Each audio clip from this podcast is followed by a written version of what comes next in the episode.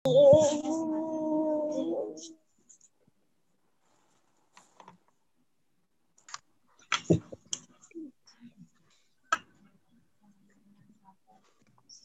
yang doa?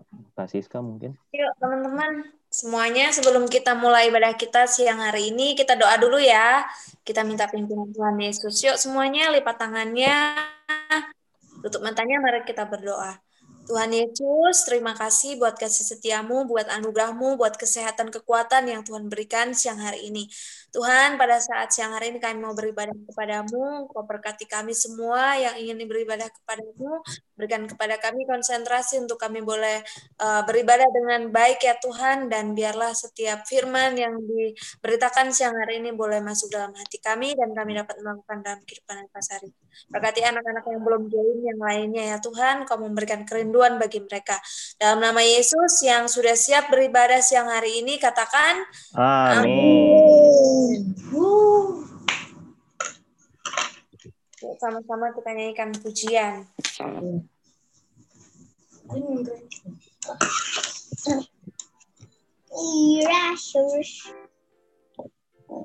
Semuanya, mari sama-sama kita naikkan pujian ini. Kita percaya kita adalah anak-anak raja. Aku anak raja, kau anak raja, semua anak raja.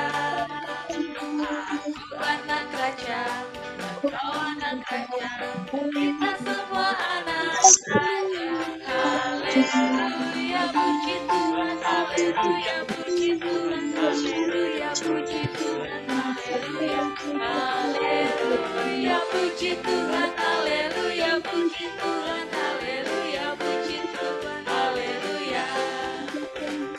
Aku anak raja, kau anak raja, kita semua anak raja.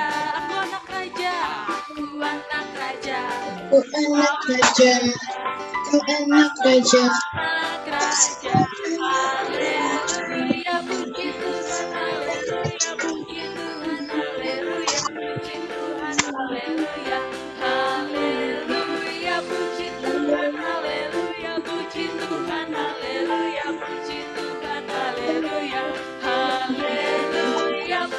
Tuhan, haleluya, puji Tuhan, haleluya,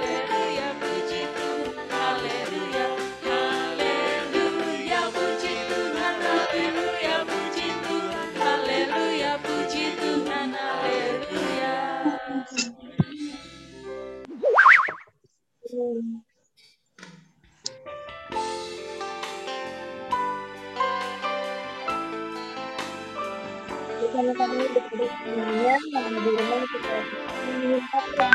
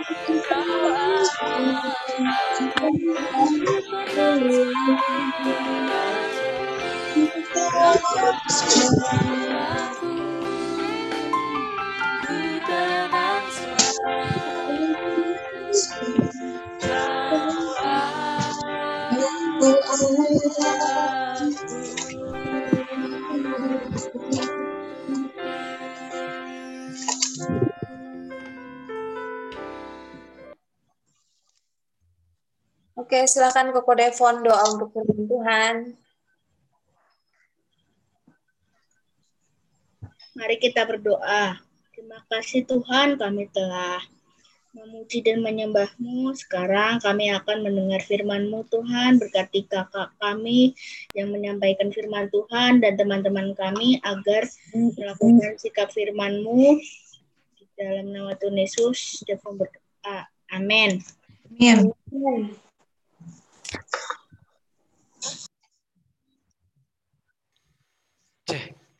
Apaan tuh Ceh? Aku mau lihat dong Ceh, boleh nggak?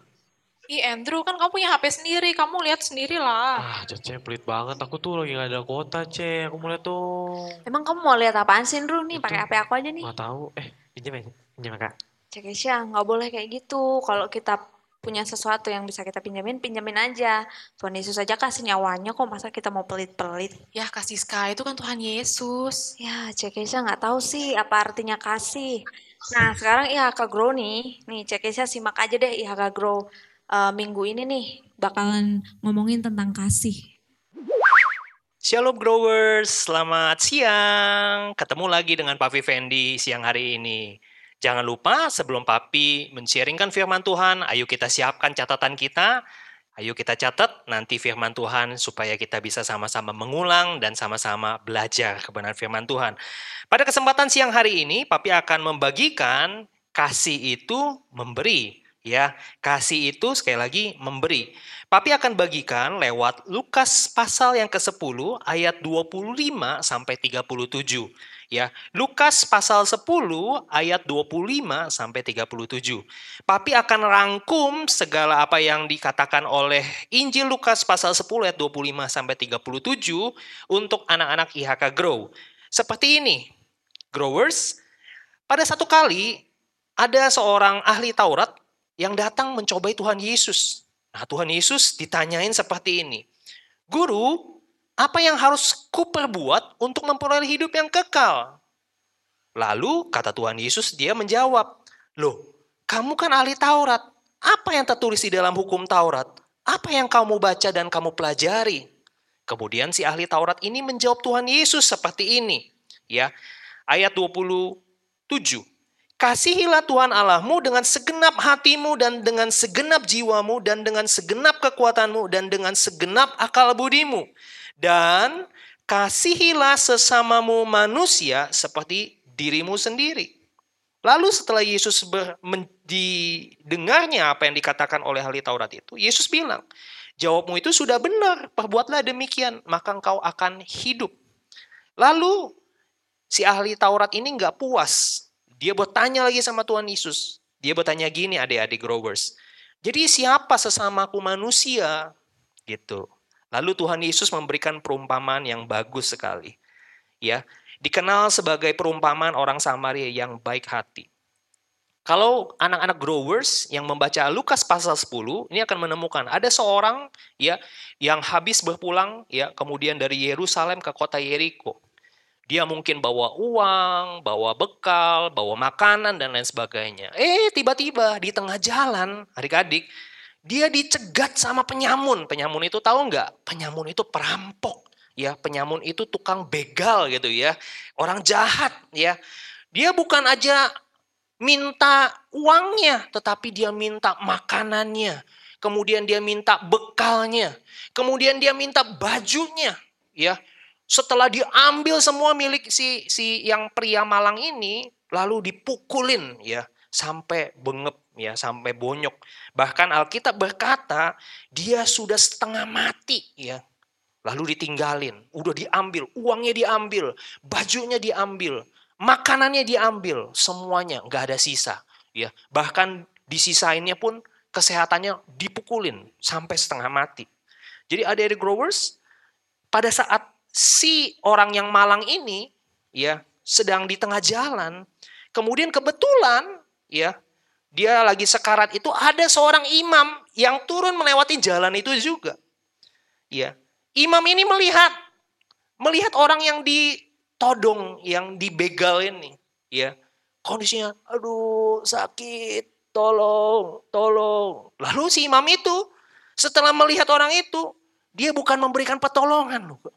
Adik growers. Dia justru ya dia nyimpang. Ah, aku ngapain nolongin dia? Aku bukan saudaranya. Dia juga nggak kenal sama aku. Aku juga nggak kenal dia. Udahlah, daripada repot-repot. Lalu si orang imam ini pergi, ya, dilewatin loh adik-adik, ya, nggak ditolongin. Lalu beberapa waktu kemudian ada seorang Lewi, ya, seorang Lewi ini adalah seorang yang Israel ya dari se- eh, 12 suku Israel orang Lewi ini adalah salah satu suku dari Israel. Berarti ini ya sebenarnya satu suku ya. Karena yang dirampok ini juga orang Israel. Tapi ketika orang Lewi itu datang ke tempat itu melihat si orang itu lagi sakit, aduh tolong, tolong saya Pak, tolong kasihani saya, saya dirampok. Tapi orang Lewi itu cuman melihat, Waduh, ini mah ngerepotin. Sama-sama orang Israel sih. Tapi aku kan gak kenal dia. Nanti aku malah repot. Aku harus keluar uang, aku harus ngorbanin waktu aku. Ah udahlah, gak mau ah. Lalu si orang Lewi itu ambil jalan lain. Ah lewatin ah. Ya, dilewatin. Gak ditolongin lu ada adik growers. Ya, orang itu di tengah jalan. Kasian deh. Lalu orang ketiga, setelah tadi ada orang Lewi, ya ada orang imam, yang ketiga ada seorang Samaria. Ya, yang kebetulan juga lewat jalan itu. Nah, Papi mau kasih tahu, orang Samaria itu adalah orang Israel Utara. Orang Israel Utara itu sebenarnya orang campuran. Dia bukan orang asli Israel, tapi orang buangan. Orang Israel yang kawin dengan orang-orang eh, penduduk lokal sana, dinamakan orang Samaria. Jadi boleh dikatakan orang Samaria itu bukan orang yang punya darah Israel murni. Jadi udah campuran lah istilahnya. Dan orang Samaria itu tidak bergaul sama orang Yahudi. Demikian pula orang Yahudi tidak mau temenan sama orang Samaria. Karena mereka menganggap kamu bukan saudara saya. Kamu orang lain. Ya, sampai seperti itu. Tapi kebetulan orang Samaria itu berjumpa dengan orang Yahudi yang dipukulin, yang habis dibegal itu, yang setengah mati udah, aduh tolong saya, tolong om, tolong, tolong gitu ya. Kemudian setelah orang Samaria itu melihat orang Yahudi itu, tergeraklah hatinya oleh belas kasihan. Kasihan ya. Walaupun sekali lagi ingat orang Samaria tadinya memang tidak mau ya berkenalan atau berbicara dengan orang Yahudi. Tetapi karena orang Samaria ini melihat si orang Yahudi ini jatuh, dirampok, diambil segala sesuatunya, digebukin, dipukulin sampai udah sekarat.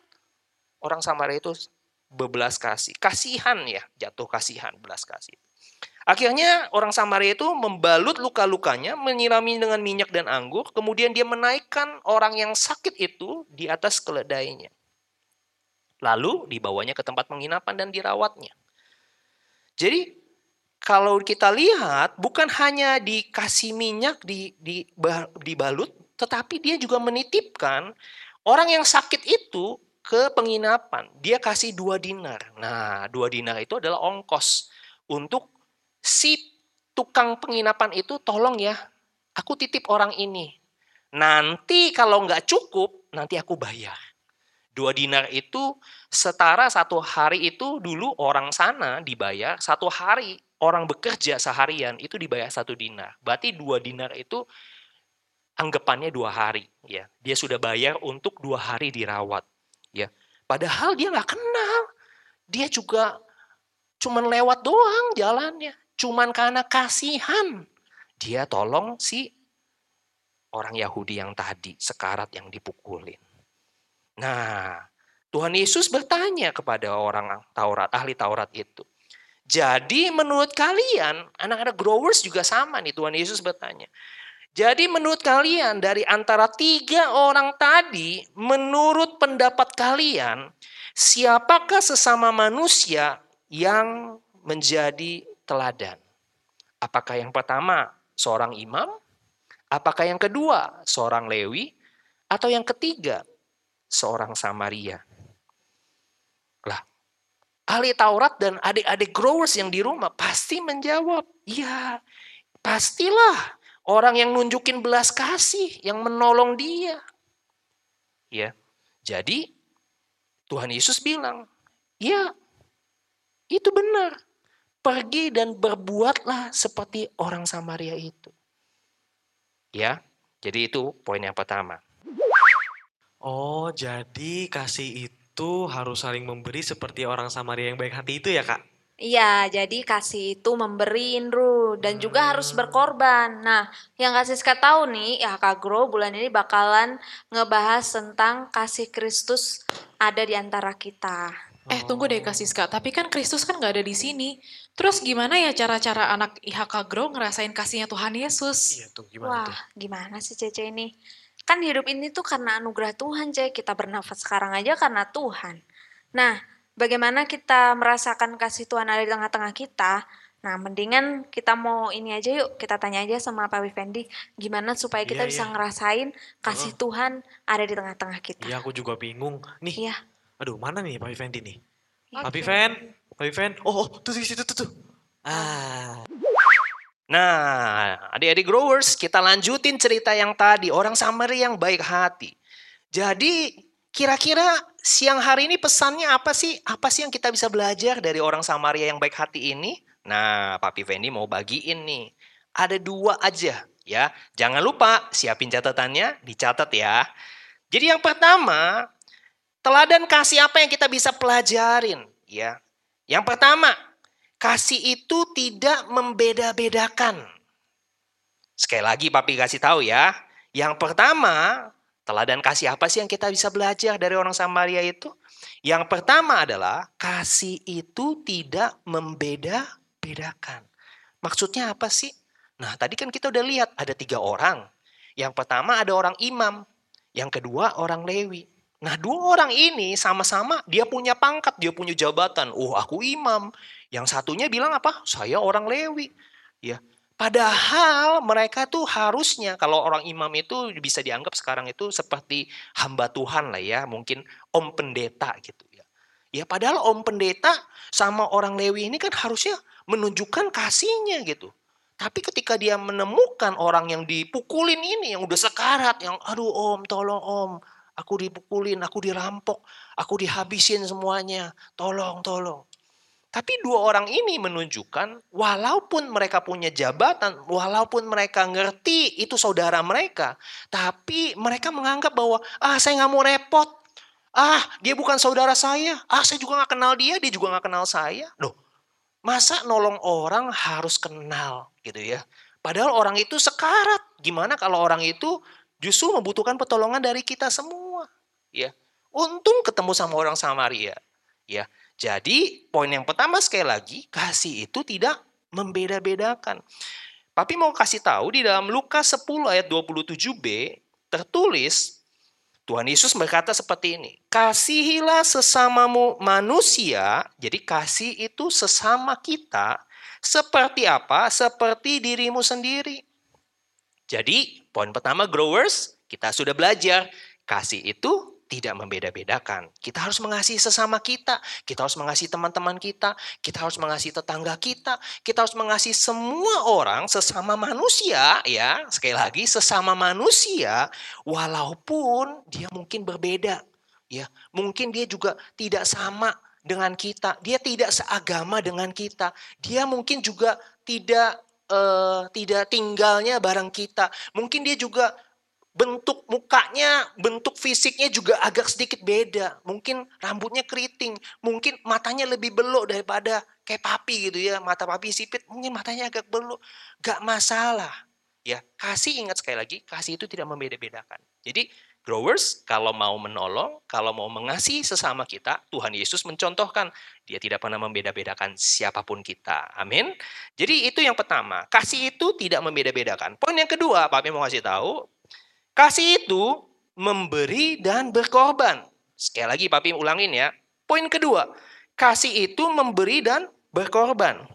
Yohanes 3 ayat 16, karena begitu besar kasih Allah akan dunia ini, sehingga ia telah mengaruniakan. Mengaruniakan itu sebenarnya terjemahan gampangnya adalah memberikan anaknya yang tunggal. Supaya setiap orang yang percaya kepada Tuhan Yesus tidak binasa, melainkan beroleh hidup yang kekal. Ini ada sebuah contoh. Tuhan mengasihi dunia ini sehingga dia memberikan anaknya yang tunggal. Jadi papi mau kasih tahu. Orang bisa memberi tanpa mengasihi. Contohnya apa? Kalau anak-anak growers mungkin pernah ikut papi maminya, mungkin naik mobil atau naik motor, mungkin di perempatan lampu merah sering ketemu ya, ada orang-orang ngamen, ada orang minta-minta, ada pengemis, mungkin ketemu di mana. Mungkin kita bisa memberi mereka tanpa kita mengasihi mereka. Tapi papi mau kasih tahu, kalau kita mengasihi, tidak mungkin kita bisa mengasihi tanpa memberi. Sekali lagi papi mau kasih tahu, kita bisa memberi tanpa mengasihi ya kita nggak kenal ya udahlah kasih sekadarnya aja lah. Kasih 500 kasih 1000 seperti kasih pengemis. Kita memberi tapi tidak mengasihi. Tapi papi mau kasih tahu kita tidak mungkin mengasihi tanpa memberi. Sama seperti Tuhan Yesus dia mengasihi anak-anak growers untuk itu dia memberikan dan berkorban nyawanya untuk anak-anak growers. Supaya apa? Supaya setiap anak-anak growers yang percaya pada Tuhan Yesus tidak binasa, tetapi beroleh hidup yang kekal. Yang percaya katakan amin. Nah, jadi ada dua aja. Yang pertama, kasih itu tidak membeda-bedakan. Yang kedua, kasih itu memberi dan berkorban. Sama seperti Tuhan Yesus. Nah, jadi prakteknya gimana sih? Prakteknya kasih. Supaya apa? Supaya kasih itu nyata. Supaya Tuhan Yesus, kasih Tuhan Yesus itu nyata di antara kita. Prakteknya apa? Gimana supaya menyatakan kasihnya Tuhan? Tadi seperti yang Papi bilang. Kasihilah sesamamu manusia seperti dirimu sendiri. Kalau kita mau melihat kasih Tuhan, kita harus melakukan kasihnya Tuhan Yesus kepada sesama kita. Amin. Ya, papi percaya setiap anak-anak growers yang nonton ibadah streaming ini menjadi anak-anak yang luar biasa anak-anak Tuhan Yesus yang bisa menyatakan kasihnya Tuhan di antara teman-teman growers. Haleluya. Yuk, kita sama-sama tutup dalam doa. Papi berdoa. Yuk, sama-sama kita berdoa. Tuhan Yesus, aku mengucap syukur atas berkatmu hari ini. Roh Kudus, ajari setiap kami, saya, dan juga anak-anak growers yang ada di rumah untuk mengasihi sesamanya. Di dalam nama Tuhan Yesus, haleluya, amin. Oke IHK Grow, gimana tadi khotbah dari Papi Fendi? Kalian semoga semuanya dapat mengerti ya kebenaran dari firman Tuhan. Ah, Kak Siska sama Andrew tadi nyimak gak sih kesimpulannya apa aja nih? Nyimak dong. Nyimak dong. Apa Oke. nih yang pertama kesimpulannya? Nah, yang pertama itu kalau kita mengasihi orang nggak boleh Mm-mm. membeda-bedakan, nggak boleh pilih kasih. Kita nggak boleh pilih kasih ya Kak Nggak Iya. Siska. Oke, terus yang kedua apa nih Yang Andrew? kedua itu kasih itu harus memberi dan berkorban. Oh jadi kita memberi dan Iya, berkorban. Kita iya. nggak boleh ya dengan pamrih gitu ya Iya, nggak boleh, kasihnya ya. nggak boleh. Boleh. Oke, yuk sama-sama teman-teman IHK Grow kita ucapin kesimpulannya satu dua tiga. Kasih itu tidak membeda-bedakan, kasih itu memberi dan berkorban. Sekali lagi yuk sama-sama kayaknya tadi kita lupa ya kasih. Iya. Ayo sama-sama kita kata eh, kita perkatakan lagi. Satu dua tiga. Kasih itu tidak membeda-bedakan. Kasih itu memberi dan berkorban. Oke, Kakak Grow, kayaknya teman-teman semua adalah anak-anak yang hebat dan luar biasa. Oke, sama-sama mari kita eh, baca ayat hafalannya kita di mana nih Ko Andrew? Di Lukas 6 ayat 36 yaitu Hendaklah kamu murah hati, sama seperti Bapamu adalah murah hati. Sekali lagi ya. Lukas 6 ayat 36, Hendaklah kamu murah hati, sama seperti Bapamu adalah murah hati. Oke okay okay. deh. Sekian, God bless you, happy Sunday semua Yaka Growers. Sekian.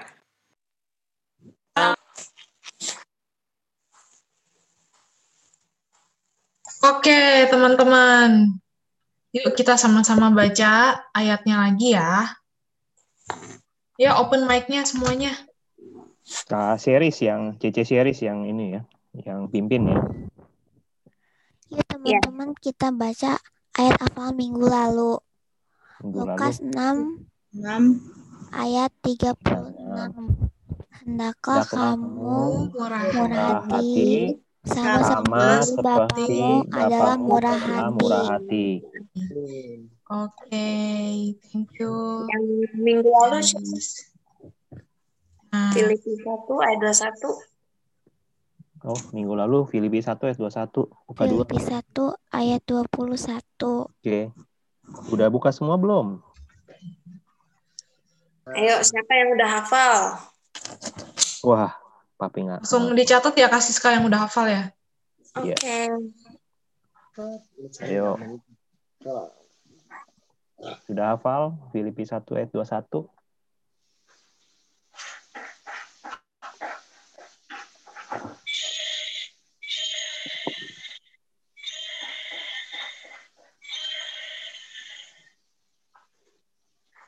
Ayo, share. Bisa mulai sekarang. Karena bagiku hidup adalah Kristus dan mati adalah keuntungan. Oke. Oke. Sekali lagi share boleh disebutin yang agak pelan gitu. Karena bagiku hidup adalah Kristus dan mati adalah keuntungan. Yeay, thank you Felis. Udah pimpin kita baca ayat hafalan minggu ini.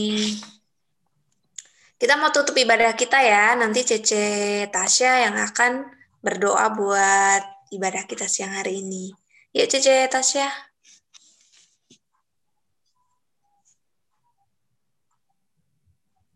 Cece Tasya.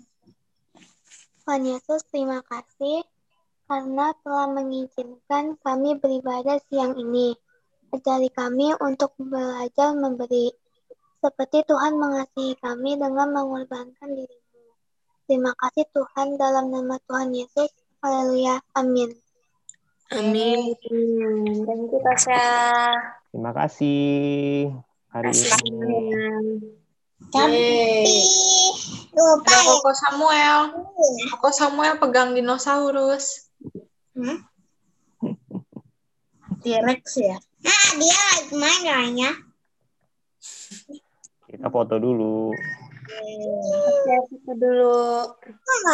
Ayo foto dulu.